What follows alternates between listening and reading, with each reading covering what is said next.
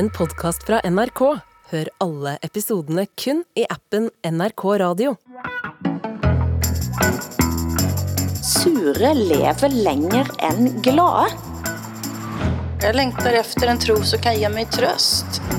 Min sjæl er til salg for fristelserne, som djævlen tilbyder. Norsken, svensken och dansken med Hilde Sandvik, Åsa Lindeborg och Hassan Preisler. Her vi sitter har Jesus fremdeles ikke ridd ind på et esel. Palmebladene er ikke fundet frem eller pusser. Vi inviterer like fuldt til en påskespecial, for til trods for fridager er vi rede for en dose panskandinavisk familieterapi. Og hvordan har dere gjort dere klar eh, til påsken, eh, Hassan? Øh, Jeg har gjort mig klar ved, ved at hente kufferterne oppe på loftet, fordi jeg skal ud og rejse med min lille familie. Vi, Hvor, vi, hvor da? Vi, tager, øh, vi tager til øh, Jerusalem. Nej, vi tager til, øh, vi tager til New York. ja, for, for at fejre, at fejre påsken. Ja. Wow. Åh, hvad jeg avundes. Ja, men Nå, det, det bliver kan vi- fantastisk. Vi, vi, vi slutter optak umiddelbart. jeg har ikke lyst til dette. Jag ska inte åka till New York i påsk. Eh, Jag ska åka upp till Jämtland. Eh, Som vanligt. Jag, är, jag älskar påsken för att den kräver ingenting särskilt.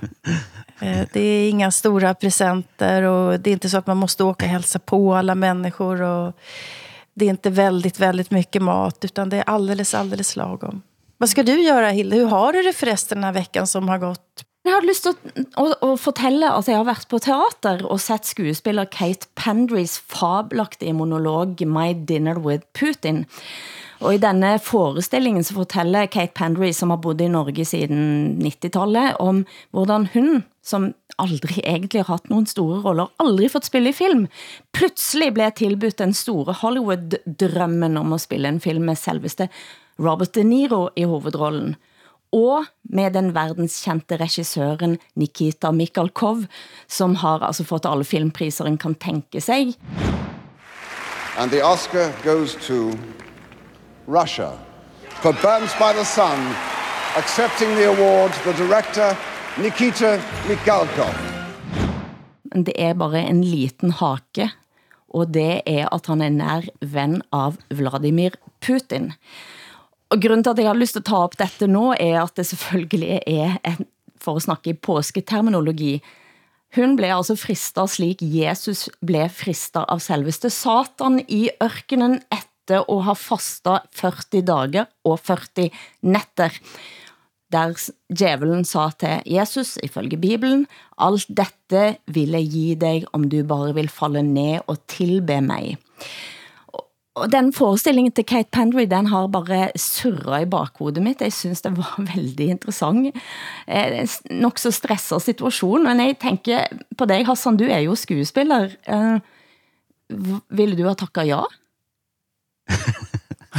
Oh, shit, mand. Altså, jeg, alt i mig siger jo, at jeg skal fortælle jer om, hvordan jeg vil takke nej, fordi jeg står i et sted, øh, på et sted i mit liv, hvor indsigten har givet mig mod til at, øh, at stå imod fristelserne. Ikke? Mm. Men sandsynligheden for, at jeg, hvis jeg fik tilbudt en rolle, hvor jeg skulle spille over for selveste Robert De Niro, øh, at jeg i den øh, sammenhæng så vil ignorere, at filmen blev lavet af Putins ven, er meget, meget stor. Ikke? Øh, så, så jeg må nok sige, at jeg har jo oplevet igen og igen, hvordan min sjæl er til salg for fristelserne, som djævlen øh, tilbyder. Men eh, då måste jag, om jag förstår eh, hela plotten rätt då, då har ju även Robert De Niro tackat ja. Ja, og det er jo netop det, som er poenget til, Kan- kan... til Kate Pendry, for hun bruger jo alle disse historierne. Hun begynder jo selvfølgelig at google. Dette skedde før covid. Så før, ret efter at hun takker ja til at komme til Moskva, så stenger verden ned. Og så åbner verden et lite øjeblik op, sådan at hun får rejse til Moskva. Og så er hun i Moskva ret etterpå, så invaderer Rusland eh, Ukraina. Men i mellomtiden så, så, så driver hun med masse, masse en slags form for rationalisering for sig selv. Hun siger, åh, det er vigtigt at skille kunst fra værk. Og han har Ja, ja. jo jobbet med Isabella Rossellini. Han har haft Brad Pitts arm rundt sig. Han havde besøg av Sean Penn og Jack Nicholson. Hun, liksom, hun, hun tænker igennem alle disse tingene, og det er det som også spilles ut i denne monologen, da, der denne Oscar-drømmen selvfølgelig lever, og hun fortæller om hvordan hun voksede op som arbeiderklassebarn i Storbritannien. Det eneste som holdt henne fast var drømmen om filmen. Så det er på et vis hele, alt i henne har Ja. liksom pekt i det- retningen. det er jo alt er perfekt, bortset fra akkurat. Det er fant- fantastisk, hvordan vores øh, øh, øh, hjerne forholder os til kognitiv dissonans. Ikke? Altså, mm-hmm. hvordan vi ligesom, når vi ikke kan forandre verden, så forandrer vi bare vores perspektiv på verden. Mm, ikke? Så det, som i går var en uretfærdighed, bliver i dag til en rimelighed. Ikke? Mm. Øh, hvi- hvis det kan give os øh, det, vi længes efter, ikke? som er øh, tryghed, stabilitet, magt, indflydelse, position, penge. Mm. Men det är, en, det är ett otroligt intressant dilemma som, eh, som målas upp i, i den här... eh, Är det en film eller är det en pjäs, sa du? Det er en, altså dette er, he- hennes monolog, som jeg har sett på teater. En monolog Eh, på teater. Ja, Okej. men filmen, den skal jo begynde at spilles ind i maj. Uh, Og det store spørgsmålet er, når denne filmen kommer ut, kommer den til at være med Kate Pendry? Hun har jo tidligere vist, at hun har jo en enorm høj integritet i sådanne spørgsmål. Uh, og, og jeg tror alle vil komme til at lete efter navnet, eller se, hvad sker egentlig i maj? Kommer hun til at rejse? Eller hvad sker? Nej, men det är ju fantastiskt. Alltså, det är ju jätte, jätte intressant. Men jag tänker, eh, i Sverige så har vi haft helt, helt idiotiska eh, idéer om att man kan inte längre läsa Leo Tolstoj och ryska musiker får inte komma hit och spela. Eh, och Tjechov är dum. Alltså, helt, helt vansinnigt. Och alla, alla som, som har eh, ryska efternamn tillskrivs eh, att eh, på något sätt stödja Putin. Eller läser man en sån bok så stöder man det här kriget. Det är helt idiotiskt. Det här är ändå någonting annat. Alltså, även om konsten ska vara fri eh, så undrar jag, så här, skulle jag vilja vara betald av vem som helst eh, för att eh, ja, kunna utöva mitt yrke? Der Eh, men är det så att det är Putin som betalar eller är det så att Nej. den här, utan personen är vän med Putin? Og i dette stykke, og det, her vet jeg jo ikke om, om sandheden glir over i fiktionen, eh, for dette er en sann historie, men akkurat en, eh, der er en episode der hun faktisk spiser middag og i, dette store rummet, der Michael Kov sitter, og, og, og mange folk sitter, så pludselig på et tidspunkt så blir det helt stille, alle man rejser sig, så kommer Putin ind. Og så fortæller hun om, hvordan liksom folk blir placeret i køer for at gå frem og for at hilse på Putin. Mm. Og i det øjeblikket, så blir hun taget med tilbage i tid, for hendes mor var fra Østerrike. Og hendes mor blev altså tvunget frem for at hilse på Hitler sant, i sin tid. Eh, så pludselig så står hun der foran denne mannen, hun, hun, hun ser på han og tænker, han er en vakker mand, kanskje alle mænd med magt er vakre. Og så husker hun sin samtale med sin mor, som altså hit- hels, helser på Hitler som barn i, i Wien. Eh, og, og, og den episoden der på en eller anden måde, så er det det svageste i stykket. Eh, kanskje også fordi jeg ikke helt vet om det er sant. eh, om, den, om dette faktisk sker. Eh, men det er jo dette spørgsmålet, er det Hitler hun står overfor? Så takker hun selvfølgelig nej. Vil den logiske konsekvensen være? Selv om du har muligheden til at spille sammen med Robert De Niro. Jeg vet ikke. Jeg synes det, Ja, men, det var det er der jo ikke nogen... vanskeligt. Altså, folk takkede jo ikke nej dengang i 30-tallet. Nej. Øh, Altså, øh, hvis, hvis, hvis Hitler stod og gav en mulighed for det ene og det andet, så sagde, sagde man ja øh, dengang Fast- også. Altså, der er jo ikke... Det stämmer väl ändå inte riktigt. Det var ju ganska många som sa nej faktiskt. Det var inte så att alla, alla ställde upp på vad han sa. Alla nej. stod inte och, och tog av sig hatten eller bockade med foten. Fast men- det men fanns det- en rörelse emot det. Den glömmer det man ofta bort. flertal, ikke? Øh, øh, hvad hedder det? Forholdt sig passivt og tavst, ikke? Og, og, og øh, hvad hedder det? Langt, ja, og endnu flere deltog jo aktivt, altså som også kunstnere, tyske kunstnere. Ja, de som inte ville, de gick ju i exil eller hamnade s- som de allra första i koncentrationslägren. Så det är klart, det, det var förknippat med risker. Men vilken otroligt intressant eh, pjäs du har sett, Hilde. Ja. Gratu- gratulerar som har sett det där. Det önskar jag att jag också hade fått göra. Ja, altså jeg håber den skal på turné. Den bør på turné, og den kommer reise på turné i hele Europa. Og den er jo dessuten eh, på engelsk, så her snakkes det et slags språk eh, som mange kan eh, forstå. Eh, men det fik mig til at tænke på et debattindlæg, jeg læste i Politikken, skrevet af psykolog Frey Pral. Eh, Eh, så han skriver, flere og flere av oss blir ramt av etisk stress. Og så kan man sige, at det Kate Pendry oplever er jo et etisk stress av stor dimension. Det han skriver om er mennesker som oplever at de ikke får være de forældrene de ønsker for barna sine. Men man kan tænke sig, at der er mange situationer, mange jobber, der man kender at idealene eh, og det man faktisk blir satt at gøre eller må gøre, det harmonerer veldig sjelden. Og så er det mange som rett og slett blir utslitt av det psykisk. Kender dere det igen? Ja, alltså, alltså etisk stress och som jag har ehm, skrivit om det och lite grann har försökt sätta mig in i vad det är. Det är någonting som ökar i arbetslivet. Um, så jag är inte riktigt säker på att den här pjäsen du har sett handlar om etisk stress. Det handlar väl om moralisk, eh, liksom eh, någon slags eh, krasch i en. Men etisk stress är ju någonting som växer och jag har tagit del av studier om hur etisk stress fungerar inom eh, vården och omsorgen. Man hinner inte ta hand om patienterna så mycket som man skulle vilja. Man hinner inte prata med dem. Man hinner inte riktigt sätta sig in i journalerna. Eh, och man hinner inte ge den här omsorgen som man vill. Och så går man hem från arbetet och känner att man har inte har räckt till. Man har inte hunnit ta hand om alla barn på förskolan som man skulle vilja. Och så får man skuldkänslor. Och sen händer det ju också att man faktiskt gör fel på grund av att man är så stressad. Och då får man eh, enorma skamkänslor. Eh, och det här är alltså någonting som, som drabbar fler och fler yrkesgrupper. Det, det drabbar läkare såväl som undersköterskor, förskolepersonal, lärare och så vidare. Och det här är, det här är någonting som man måste prata oftare om. Som journalist kan jag också känna igen det där. Jag hinner inte kolla en källa till. Jag hinner Ja. inte läsa den här rapporten också. Eh, och så går jag hem och tänker att nu har jag gjort ett sämre jobb än jag skulle göra. Och sen ser jag att texten går i tryck.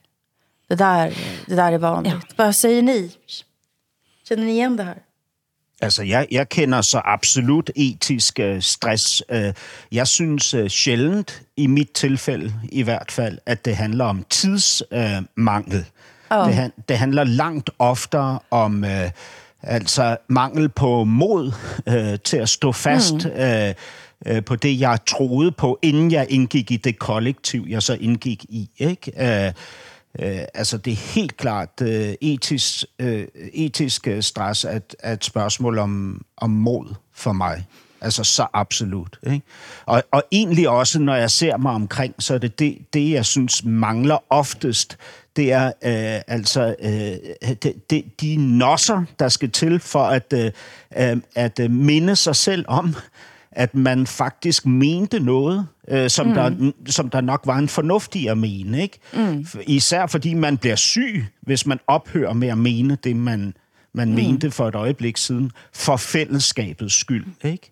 Og der, det, altså nu nævnte jeg begrebet ko- øh, kognitiv dissonans. Det der er jo blevet forsket i, i, i, ja, i hvert fald i fem, fem årtier ikke, i det her begreb. Og, og det har jo nogle alvorlige kon- øh, konsekvenser for os som individer, når vi øh, lever i kognitiv dissonans. Ikke? Øh, øh, vi kan ikke gøre det så længe, så vi begynder at tilpasse os og omjustere os og, og rekalibrere ja. os og sådan noget. Men den der øh, fleksibilitet eller, eller den, den organiske tilstand, man forventer af sig selv, permanent ja. organisk tilstand, ikke? Den, den tror jeg simpelthen ikke, man kan være i og samtidig være rask. Mm. Du hører norsken, svensken og dansken. Like før påske så åbner et nytt vokskabinett dørene i København. Ti voksfigurer er på udstilling, mennesker som ellers har holdt sig i skyggen, som lever av at holde sig i skyggen, nemlig embedsmænd og kvinder, selveste byråkratene. Og det er redaktør og filmskaper, forfatter og så videre, Mats Brygger, som er manden bak.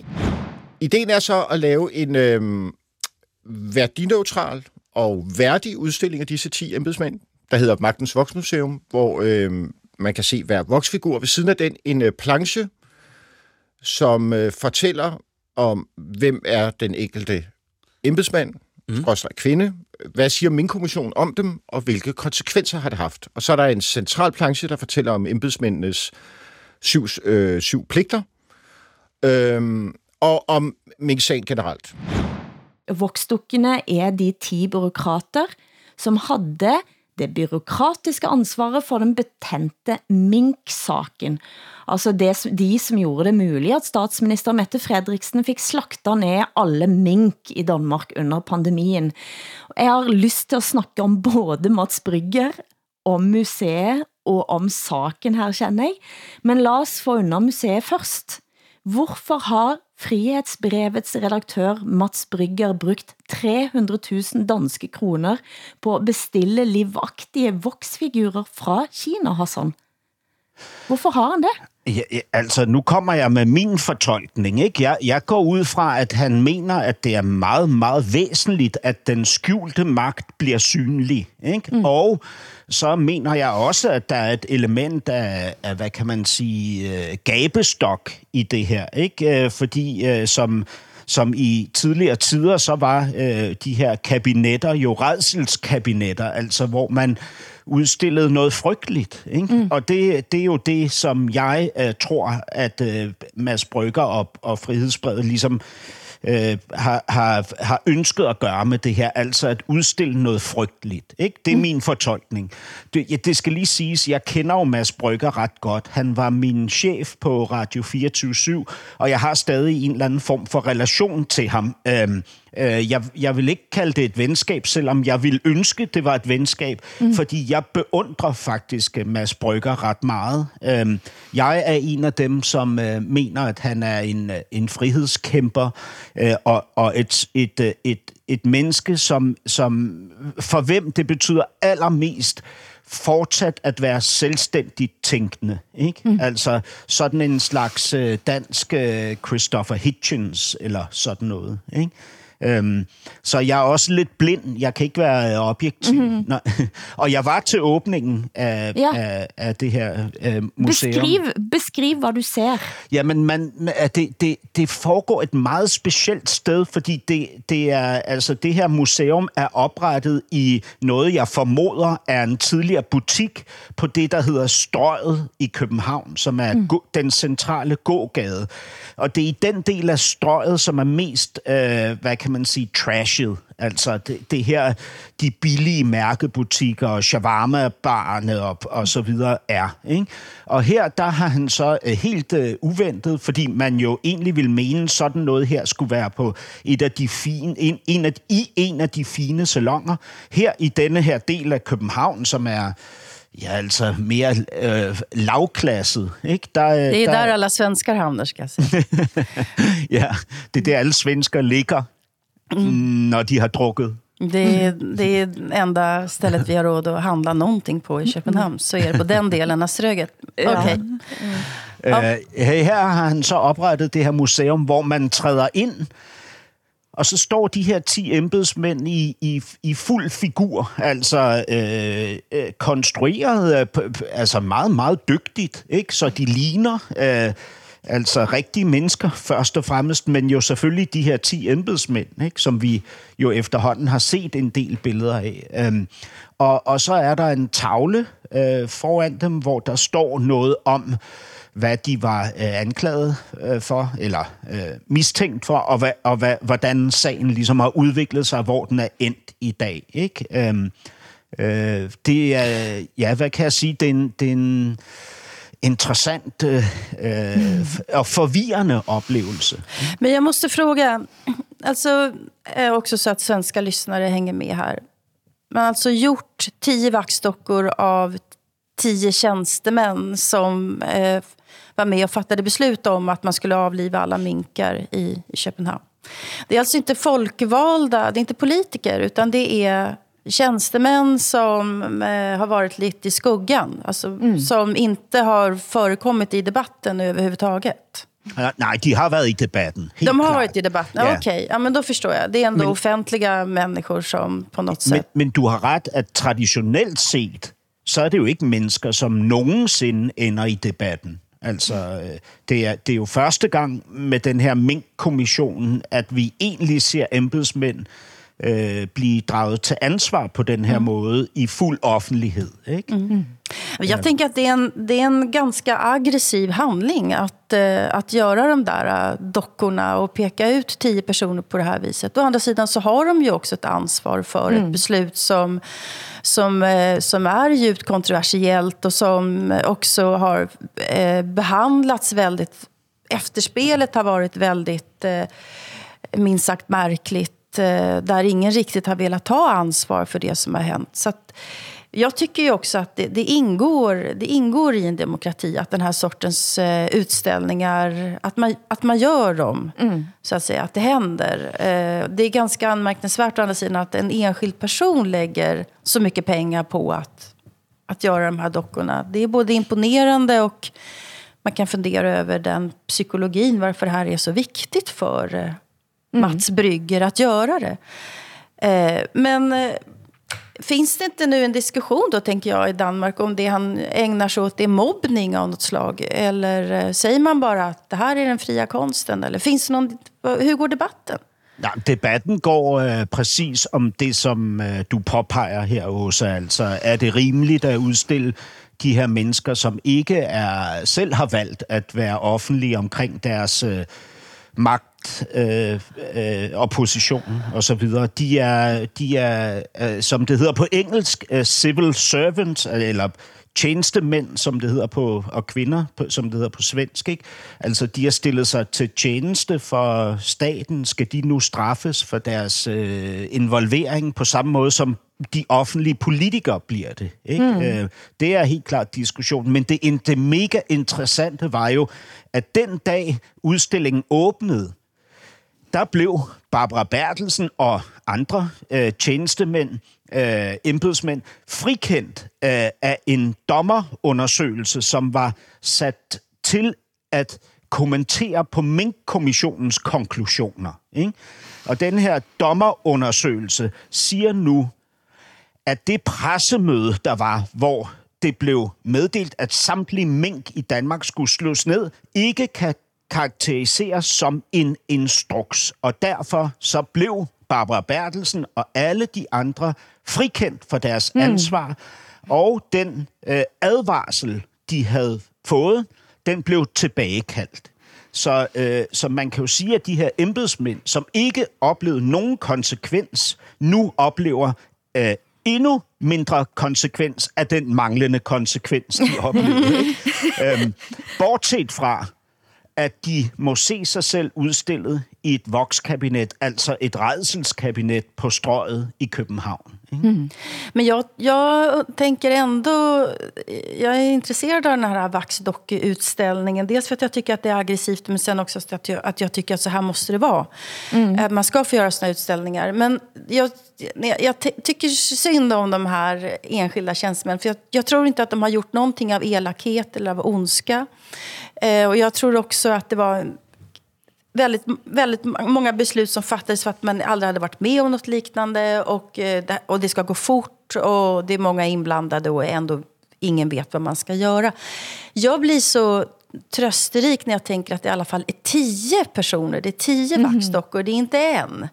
Det är inte en som man hänger ut. det är inte bara Barbara Bertelsen, utan det här är i alla fall tio stycken. Har de uttalat sig? Har de sagt någonting själva? Ja, fa- faktisk så kom en af de 10 embedsmænd kom til øh, øh, receptionen, altså åbningen af udstillingen. Og det var et magisk øjeblik, da man så ham stå at, og, og se på sig selv øh, mm. derinde til udstillingen. Øh, øh, han er den eneste, jeg ved, øh, har forholdt sig til udstillingen. Altså resten forsøger at forbigå den i tavshed, øh, så, så vidt det er muligt. Ikke?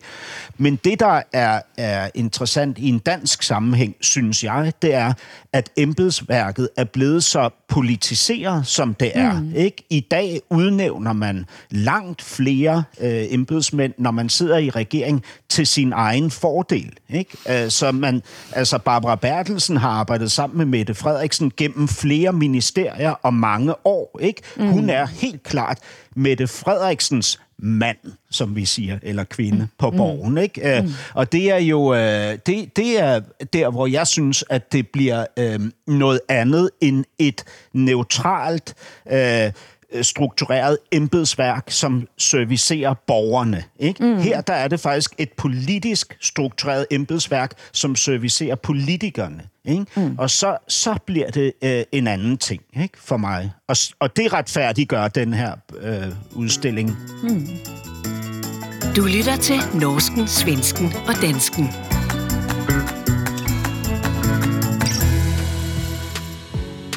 Men spørgsmålet er, er Mats Brygger sur eller glad? For det, jeg spørger, fordi det har kommet en forskningsrapport som påstår, og holder det fast, at sure lever længere end glade. Jyllandsposten skriver, at være småsur, arbejde hårdt og vente med at gå på pension, er åbenbart det, som holder os længere i live. Altså en omfattende undersøgelse som viser at glade og humørfyldte personer i gennemsnit dør tidligere end deres humørforlatte venner. Var det et eh, chok? Eh, Hassan, jubler du? Ja, jeg jubler, det er klart. Altså, fordi det giver mig udsigt til, at jeg kan nå at øh, se mine børn blive voksne, og måske endda også opleve at få børnebørn. Ikke?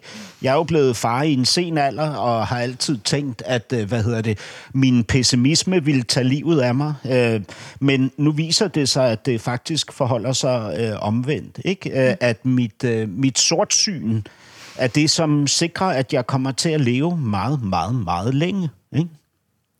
Men jag måste ändå, jag tycker det är en märklig undersökning om man blandar in eh, pensionsålder och arbetsliv och så. För då, då måste man ju prata om klass i så fall. Alla människor kan inte arbeta så himla länge därför att deras kroppar blir helt utslitna. Vi pratar just om etisk stress till exempel. Eller bara det att man inte klarar av tunga mm. kroppsarbeten när man har fyllt, eh, en del fyllt 55. Jo, men, eh, men, då, men, men det er då... faktisk sammenligneligt, Åsa, fordi på, i arbejderklassen er der også sure og glade mennesker, og de sure mennesker i arbejderklassen lever længere end de glade mennesker i Ja, det var det jag skulle komma till. Uh, är det så att, att man har tagit hänsyn till klass när man har undersökt också vilka som är glada och sura? Är det så att vi vet att att inom arbetarklassen så är det de som är sura som lever längst och de glada dör tidigare? Eller är det här bara utslaget på hela populationen? För då måste man ju sätta ganska stora frågetecken kring en sån undersökning. Dette er da et, et stort projekt, det er Longev Longevity Project, som begyndte i 1921 med 1500 unge, som i år ville ha fyldt 100 år. Så det er et, eh, eller i fjor ville ha fyldt 100 år, eh, vil en kanskje si. Det var, ja. Så det er, ja. eller forfjor. Altså, det, det, går, ja. ja, men det går... Men ja, Altså, det, så det er jo et, det er jo et projekt, altså, i udgangspunktet så, så tror jeg vi kan stille mange spørgsmål til selve begrebet. På engelsk så heter miserable, altså det er det som bliver definert som sur i Jyllandsposten, er miserable. Uh, og så tænkte jeg sådan, hvilken type grundstemning har jeg? Um, jeg tror at i udgangspunktet så er min grundstemning at være sur. Altså grundstemningen er at jeg bliver irriteret, fordi at jeg egentlig kanskje har en form for optimisme til at verden skal fungere, og verden fungerer ikke, da bliver jeg sur. Men så vælger jeg at ikke være sur, fordi det gør mig bare mere gretten, og jeg hater følelsen av at være sur. Eh, og derfor så bestemmer jeg mig for at ta ting på en anden måde. Men altså, jeg tror, altså, hvis, hvis grundstemningen min skulle ha liksom eh, været enerådende, så ville jeg ha kæfta og krangla og været irriteret konstant. Men det er så lite tjenelig, for jeg får, altså, ingenting sker på den måten hvis jeg skal gå rundt og være, reagere spontant med det, som umiddelbart kommer ind i kroppen. Ja, men hvis du skal leve længe, Hilde, så skal du give efter for din uh, surhed. Nej, men det kan jeg gøre, det kan jeg gøre, men det trænger, poenget er, at enten den type surhed går jo enten ut over nogen andre, eller så går det ut over en selv, plus at den får jo ikke til at gøre det, som man har bestemt sig for at gøre. Altså, det er jo en så stort hinder i verden. Alltså jag avskyr att vara sur. Jag tycker det är, det är en fruktansvärd eh, känsla att gå runt och vara sur. Ja. Jag är glad att vi har ordet sur på eh, alla tre, alla tre språk här. Men när jag är sur, då går jag, eller eh, nedstämd kanske, eller så, då går jag in i mitt arbete. Så att för mm. mig så är ju arbetet alltid en utväg. Där mm. kan jag känna tillfredsställelse och eh, ibland lycka eller något meningsfullt. Eh, men det är ju möjligt därför att jag har ett sånt arbete. Jag arbetar ju med det jag vill. Eh, mm. Det är ju svårare för dem som, eh, som inte gör det. Jag är väldigt skeptisk till alla såna här undersökningar. Och det går inte att prata om medellivslängd utan att prata om klass. Ar alltså, arbetarklassen har statistiskt sett sju års kortare medellivslängd än en akademiker. Mm. Eh, och, och det spelar ingen roll om man är glad eller sur, utan det handlar om allt möjligt som som spelar in i det där. Men är det så att, om jag har förstått den här undersökningen rätt, att glada människor, de röker, dricker och äter på ett annat sätt. ja, som jag, då, men det kan man göra även om man är olycklig. Det finns liksom olyckliga människor har ju skäl att dricka, Härlighet, tänker ja. jag. Jo, jo, men sådan er det. Det er sådan, det er helt klart. Ikke? Og så, øh, altså, de spiser, drikker, ryger og nyder livet mere, øh, har forskerne mm-hmm. fundet frem til. Og det er faktisk øh, farligt at nyde livet. Øh, fordi, for, fordi det gør, at man, man lukker øjnene for den potentielle øh, grundrisiko, der er i, i livet, i eksistensen. Ikke? Det vil sige, man går ikke til lægen, man, øh, man motionerer ikke, man man stopper ikke med at ryge, øh, man, man hvad hedder det, går ikke hjem fra krogen øh, mm. i tide. Øh, til, at, at, til at skåne sin lever øh, og så videre. Och man ja, äter ja. inte så mycket grönsaker och sådär heller kanske. Men, ja, ja. men då kommer min fråga här då.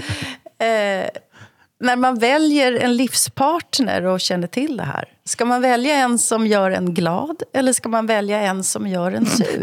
nej, nej. Altså, jeg känner at alt i den undersøkelsen blir jeg veldig tvivlende. Jeg, jeg stiller mig veldig tvivlende til alt. Nej, men, men det kommer jo an på. Må, måske, måske bliver man mere glad af at have en sur partner. Ikke? Nej, nej. Det kan da sagtens være. Nej, nej, altså. nej, nej, nej, nej, nej. Aldrig, aldrig, aldrig. Ska man uppfostra sina barn så att de blir sura eller glada? Nej. Ska man ge dem ett långt nej. eller kort liv? Alltså, ni har ju själva det här. Den här undersökningen kastar vi i papperskorgen. Ja, det, gör det. Men, men, men altså, prøv at høre. Jeg, jeg gjorde det, at jeg, da jeg så den her undersøgelse, så, så sprang jeg op fra sofaen og stillede mig på en, en høj stol, så jeg kunne nå øh, den del af regionen, som er oppe i det øverste hjørne, hvor min Schopenhauer-samling står. Ja, selvfølgelig. Den og så hæv, hæv jeg en bog. Nej, stop, hvad så du? Hvad havde du for samling, sa du? Arthur, Arthur Schopenhauer, filosofen Schopenhauer. Altså Schopenhauer, okay.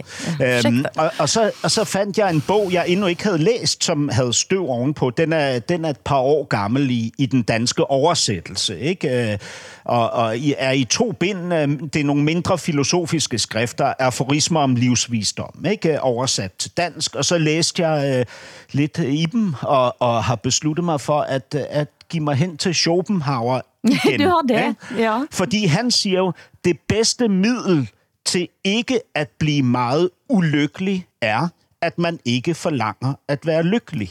Ikke? Øhm, oh. og det, det, er, det, er for, det er for mig, altså det her, det føles som øhm, sådan en tempereret sangsær ude på øh, altanen den første sommerdag. Ikke? Den sætning er så mild i min hals. Det er som du blitt en finne, Hassan. Always look on the bright side of life. Det er interessant, fordi Schopenhauer er en av filosoferne, som eh, træder frem i en bok, som kom ut ret før påske av filosof Lars Fredrik Svendsen, som kom ut med boken Håpets filosofi. Han, som har skrevet om både kjedsomhetens filosofi, frihet og videre, eh, Eh, har altså nu begynt at skrive, han begynt at skrive en bok om håb, da Rusland invaderte Ukraina. Og jeg tænkte, undskyld spøket, fan, nu blev det mørkt der ute. Tanken som slår var, jeg bytter tema. Eh, Jeg skal faktisk skrive en bok om, om håb, Ja. Også fordi noget av det som var så fremtrædende, var netop det ukrainske håbet i møte med den russiske eh, tilsynelatende totale overmakten. Og med udgangspunkt i den, så har jeg lyst at vi skal snakke om håb. For hvad er det at håbe på? Er håb, som Nietzsche mente, det værste av alle onder, fordi det forlænger menneskets lidelser? Eller er det ikke netop, når alt blir meningsløst og håbløst, at det er fare på færde? Kør debatt. Ja, altså jeg, jeg sprang jo frem til det kapitel i Håbets filosofi, hvor netop Schopenhauer var nævnt. Ikke? Uh, og der, der står jo, at, øh, at, at forfatteren mener, at håb er fuldt forenligt med både optimisme og pessimisme. Ikke? Mm. Men det er jo ikke det, egentlig Schopenhauer ville udtrykke, som jeg forstår det. Jeg, jeg mener, at Schopenhauer ville sige, at, at, at det er håbet, som giver næring til ønskerne. Ikke? Og det er ønskerne, som bidrager med den største smerte. Ikke? Mm. Øhm, og, og løsningen må derfor være at minimere håbet. Ikke? Sådan at ønskerne forsvinder, og vi, og vi ikke skal påføres alt den her lidelse. Det er jo udgangspunktet her er at eh, håbet var liggende igen i Pandoras æske. Jeg husker der myten, den græske myten om Pandoras æske, som blev der alle, alt vondt i verden blev sluppet løs på menneskene, for den eh, Pandoras æske blev givet som en gave av Zeus til menneskene. Den blev åbnet, all verdens ondskab fløt ut, men håbet blev liggende igen. Eh, og spørgsmålet hele tiden etterpå vært, er håbet et gode, eller er det et onde? Hvad tænker du også? Nej, men jag tänker att eh, vi kan inte... Eh, man orkar inte leva till slut om man inte hoppas på att det ska bli bättre eller att man ska klara sig eller att man ska kunna lösa en uppgift. Och det går inte att bygga samhällen utan att man drömmer om hur, mm. hur någonting ska vara. Det låter så banalt, men, men jag, kanske att jag tycker att frågeställningen är lite banal också på något sätt. Hopp eh, Alle de vigtigste for, altså spørgsmålene er banale. Er det ikke ja, sånn? men alltså, min, alltså, jag, vad jag menar är att det är väldigt svårt att renodla enskilda inställningar eller känslor. Utan de, allting eh, blandas ju runt i samma mm. gryta på något sätt. Mm. Jag är ju väldigt hoppfull. Eh, alltså jag, så här, jag tror ju att världen går åt helvete. Men jag när ändå ett hopp om att människan ska kunna lösa det här. Mm. Människan är påhittig, driftig, organisatoriskt duktig eh, människan har en vilja att överleva. Så att någonstans mm. så hoppas jag ju ändå att vi ska lösa de här utfordringarna, eh, utmaningarna vi står inför. Där jag har en, en, en väldigt, väldigt tro till människans kapacitet faktiskt. Så vill jag är hoppfull, men, men det ser väldigt mörkt ut för världen nu. Vilken, vilken grej att skriva en bok om hopp och sen så bryter det här Ukraina-kriget ut samtidigt. Han, han skriver den fordi den brøt ut. Han skrev okay. den motivert av det håpet som han så i Ukraina. Men det är ju underbart ju. Ja, och det, det griper ju tillbaka till eh, dette atenske felttog mot Melos, som den greske historikeren eh, eh, Tykyolid, som levde 400 år for Kristus, skrev om, der melerne mente at ha retfærdigheden på sin side og satte lit til gudene, de mente at Gud kom til, gudene kom til at gripe ind, og at de havde retfærdigheden på sin side. De håbte på en slags Guds indgripen. Eh, og den Guds indgripen kom ikke. Og det er jo et sånt dårligt håb, hvis du tror, hvis du håber på det, som er urealistisk. Samtidig så kan en sige, vi er i en påskehøjtid, Eh, og, og, og, og påsken fejrer da at, at eh, Jesus har eh, taget på sig alle syndene, og derfor så kan mennesket nå Gud. Eh, og det er i hvert fall at håbe på noget urealistisk, for at sige det sådan. Eh, og, og, da, og da er spørgsmålet er, kan man ha håb om noget, som eh, ikke er realistisk? Det, ja, ja. Oh, det, det, det er jo svært for os, os uh, ateister at svare på det spørgsmål, ikke? Men øh, øh, altså, det, det er jo helt klart, jeg, i, øh, jeg, jeg har en længsel efter det håb, altså det, det religiøse håb, ikke? Altså troen, ikke? Øh, men, men jeg, jeg må også sige, altså det, det, altså, vores historie fortæller os jo, altså vores kollektiv historie fortæller os jo, at vi skal krænkes igen og igen, ikke som, som menneskeligt fællesskab. Ikke? Altså først så mister vi øh, positionen som universets centrum. Ikke? Så falder forestilling om, at vi er skabt af, af Gud, ikke? Og til sidst så ryger tilliden om den altid, ration, øh, altid bevidste rationalitet, mm. ikke? Øh, og så står vi der med et smadret, grandi- grandiost uh, selvbillede, ikke? og skal mm. forsøge at uh, etablere os igen. Ikke? Og, og det er jo mega aktuelt, ikke? fordi alting fortæller os jo, at vi ødelægger verden. Altså, vi ødelægger mm. vores eget fundament, ikke? Med klima, krige og, og, og hvad hedder det, bakterie- virusinfektioner, ikke? Eller pandemier. Altså, alting fortæller os, at vi skal ydmyges en gang til, ikke? Det er jo en vild, vild uh, tilstand at stå i, synes jeg. Altså. Og, det, og håbet er jo blegnet, altså, mm. i den her virkelighed, synes jeg. Jag kan känna avundsjuka också. Alltså som du säger Hassan, att du längtar efter en tro. Det, det kan jag också göra. Jag längtar efter en tro som kan ge mig tröst. Eh, kanske inte egentligen så mycket hopp eh, om att eh, någon högre makt ska ordna saker och ting. Det, det längtar jag inte efter, utan det är människans uppgift själv att lösa. Men, men tröst, det, mm. det, mm. det kan jag längta efter. Ja. Väl, det, väldigt, väldigt mycket att, att kunna gå in i ett sånt rum. Eh, det jag gör har jag verkligen också. Ja, inga sådana rum. Jag, jag får ta hand om min sorg själv, men det gör jag även religiösa människor i och för sig. Ja. Vad ger är, hopp för tiden då? Vad ger hopp?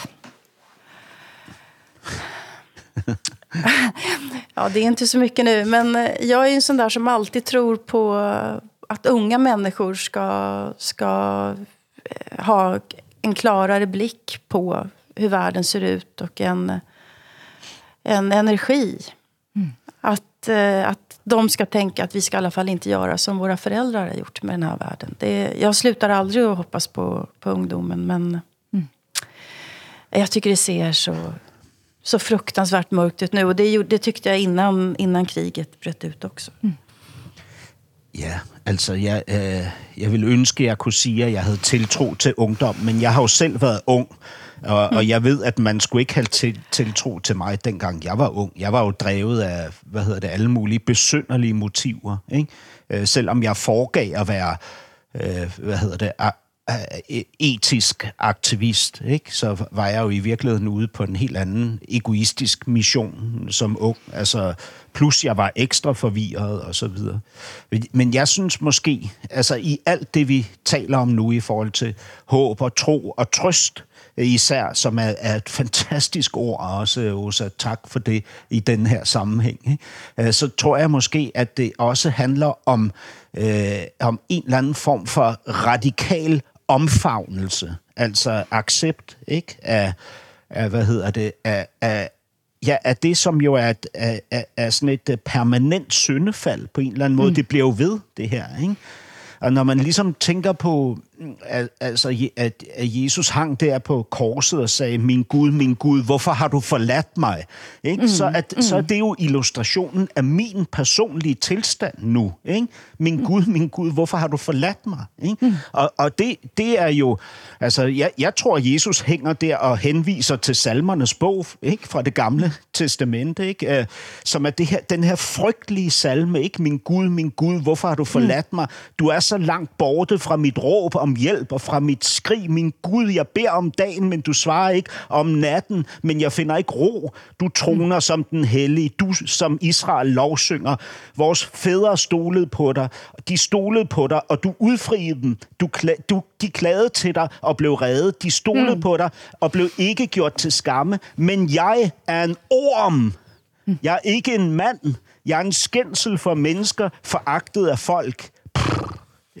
det, åh, det er heftig. Så spørgsmålet er da, altså, Svensen skriver om Pandoras æske i sin bok.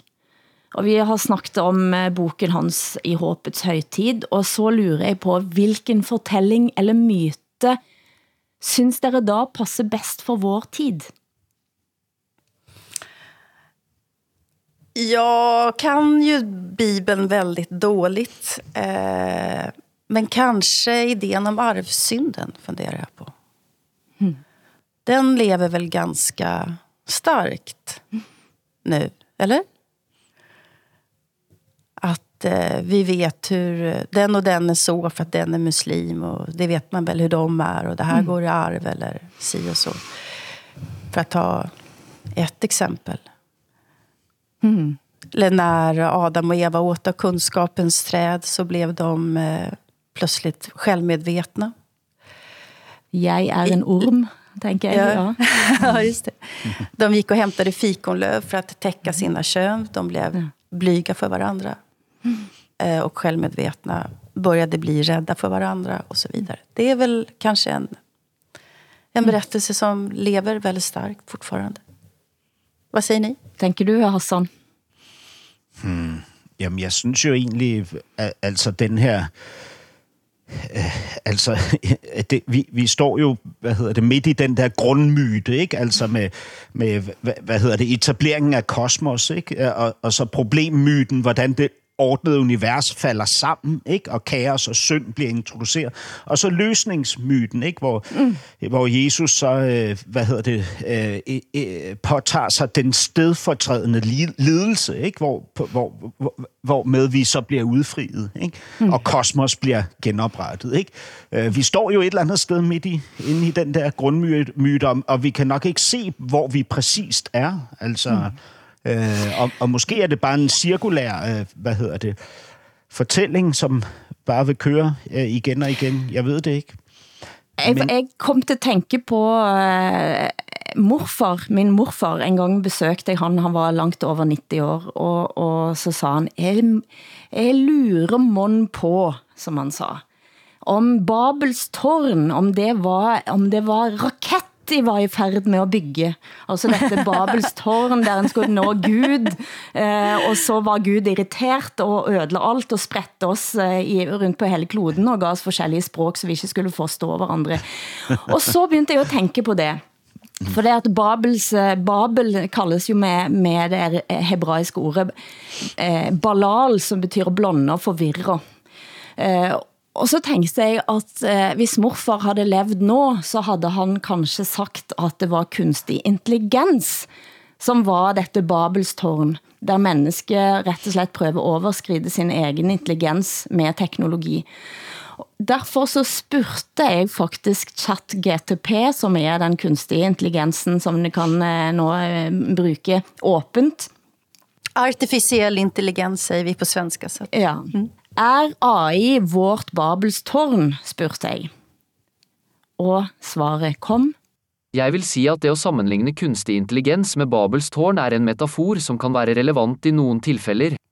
Og så fortæller han videre da, om historien, som er beskrevet i første Mosebok, handler om menneskenes fors som forsøker at bygge et tårn, som skulle nå til him himmelen, men Gud stanset projektet var forvirre menneskenes språk, og dermed gjorde det umuligt for dem at kommunicere og samarbejde med hverandre. Så var det derfor, at Gud skabte norsk? Så skri det var sådan, og så skriver, fortsætter eh, ChatGTP, Likevel, skal man se, så står det, men sam, sammenlignet med Babels tårn kan være relevant i til, nogle tilfælder.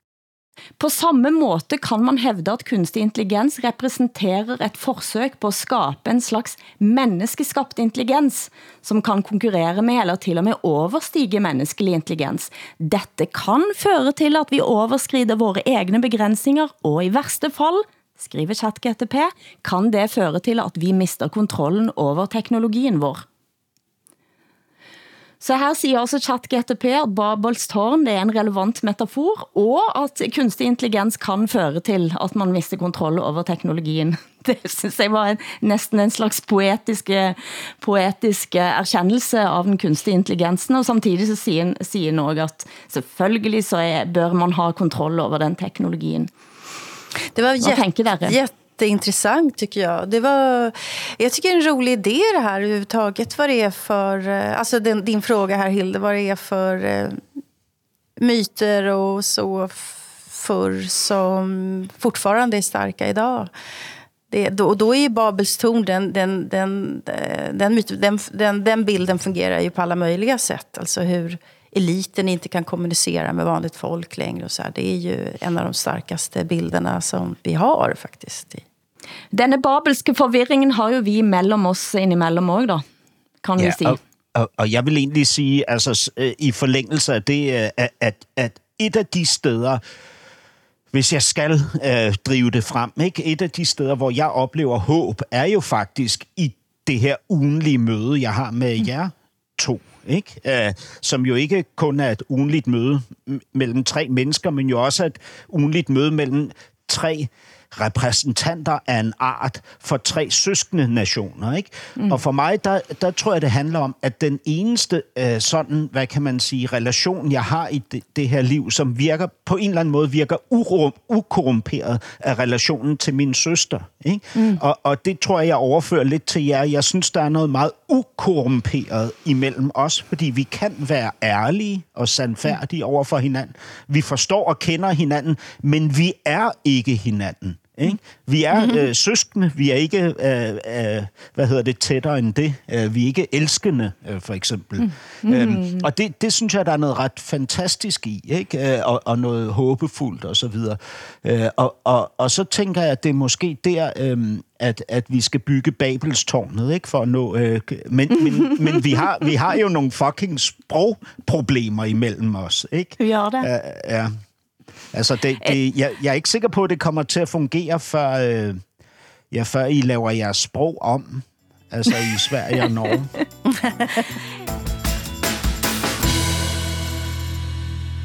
Jeg lurer på, om vi skal give folk eh, et tips hver på vej ut døren ind eh, i resten av påskedagene. Hvad, hvilke tips vil du give, Hassan? Jeg vil gerne øh, tippe folk til at læse en bog, som jeg endnu ikke har læst, fordi den ikke er udkommet endnu. Den er netop sendt i tryk, øh, kan man læse, øh, som er en, en bog af en dansk yngre forfatter, der hedder Christian Bennike, som vi tidligere har refereret her i programmet. Øh, han er journalist på Weekendavisen. Øh, den bog hedder En gang troede vi på fremtiden, mm. og har undertitlen Hvordan vi gik fra optimisme til sortsyn, og hvorfor det kan redde os. Altså frelse mm. os. Ikke? Det, ja, altså titlen alene øh, får mig til at tænke, at det lige er noget for mig. Och så? Jag skulle vilja tipsa om en app som är Svenska Akademins app. Eh, där kan man skriva in ett ord som man undrar över och så får man veta hela det ordets historia. Mm. Eh, och dagens ord, de kommer alltid upp med dagens ord. Dagens ord när vi spelar in det här programmet är piruett. Oh. Eh, och eh, då får jag veta dels vad en piruett är såklart, men också att det är belagt sedan 1645 i Sverige och att det naturligtvis kommer från franska som har piruetten har ursprung att man kastar en tärning. Oh, okay. Det är en underbar app så mm. den skulle jag rekommendera. Och den skulle jag gissa att ni kanske också har på norska och mm. danska. Den mm, använder jag varje dag. Ja. Du då Hilde? Vad... Denne påsken så gør jeg som jeg ofte gør i påsken, nemlig høre på et requiem eller en passion, eller en stabat, stabat mater, som jo er det stærkeste, der en mor uh, synger. Om, altså, det er jo et det er jo et skrik for sin døde søn på mange måter. Uh, og jeg plejer at høre Pergolesis Stabat Mater, eller Mozarts Requiem, jeg har lyst til at gå ut på noget andet. Denne uken fik uh, eh, den estiske komponisten Arvo Pärt Polarprisen. Uh, men der er flere grunder til at høre Arvo Pärts uh, Stabat Mater. Um, Pärt blev altså av sovjetiske kulturfunktionærer, altså byråkrater, Uh, selvfølgelig de reagerte på hans ikke systemkonforme kompositionsteknikker, som det het, men også som religiøst inspireret musik. Men også at han tidligere faktisk uh, sin værk den myrda journalisten Anna Politkovskaya uh, eh, på begyndelsen av 2000-tallet, som flere gange havde kritiseret Vladimir Putins politik. Og der er mange grunder da til at jeg tænker at vi kan læne oss tilbage og høre det danske vokalensemble Theatre of Voices fremføre Marias lidelse av Operts version av Stabat Mater ind i denne påsken.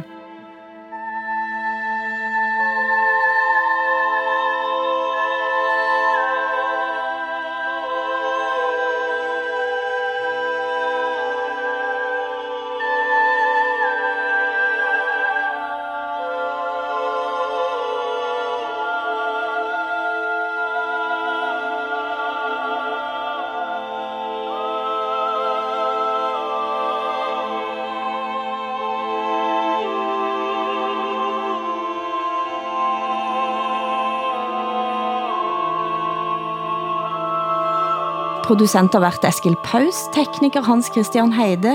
Tak til Åsa Linderborg i Stockholm, der har som Preisler i København. Jeg heter Hilde Sandvik, sitter i Bergen.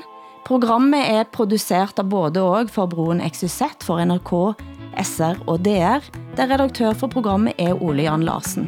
Vi høres gjennom om en uke, og husk at de nye episodene lægges ut allerede på lørdager i SR Play, DR Lyd og NRK Radio.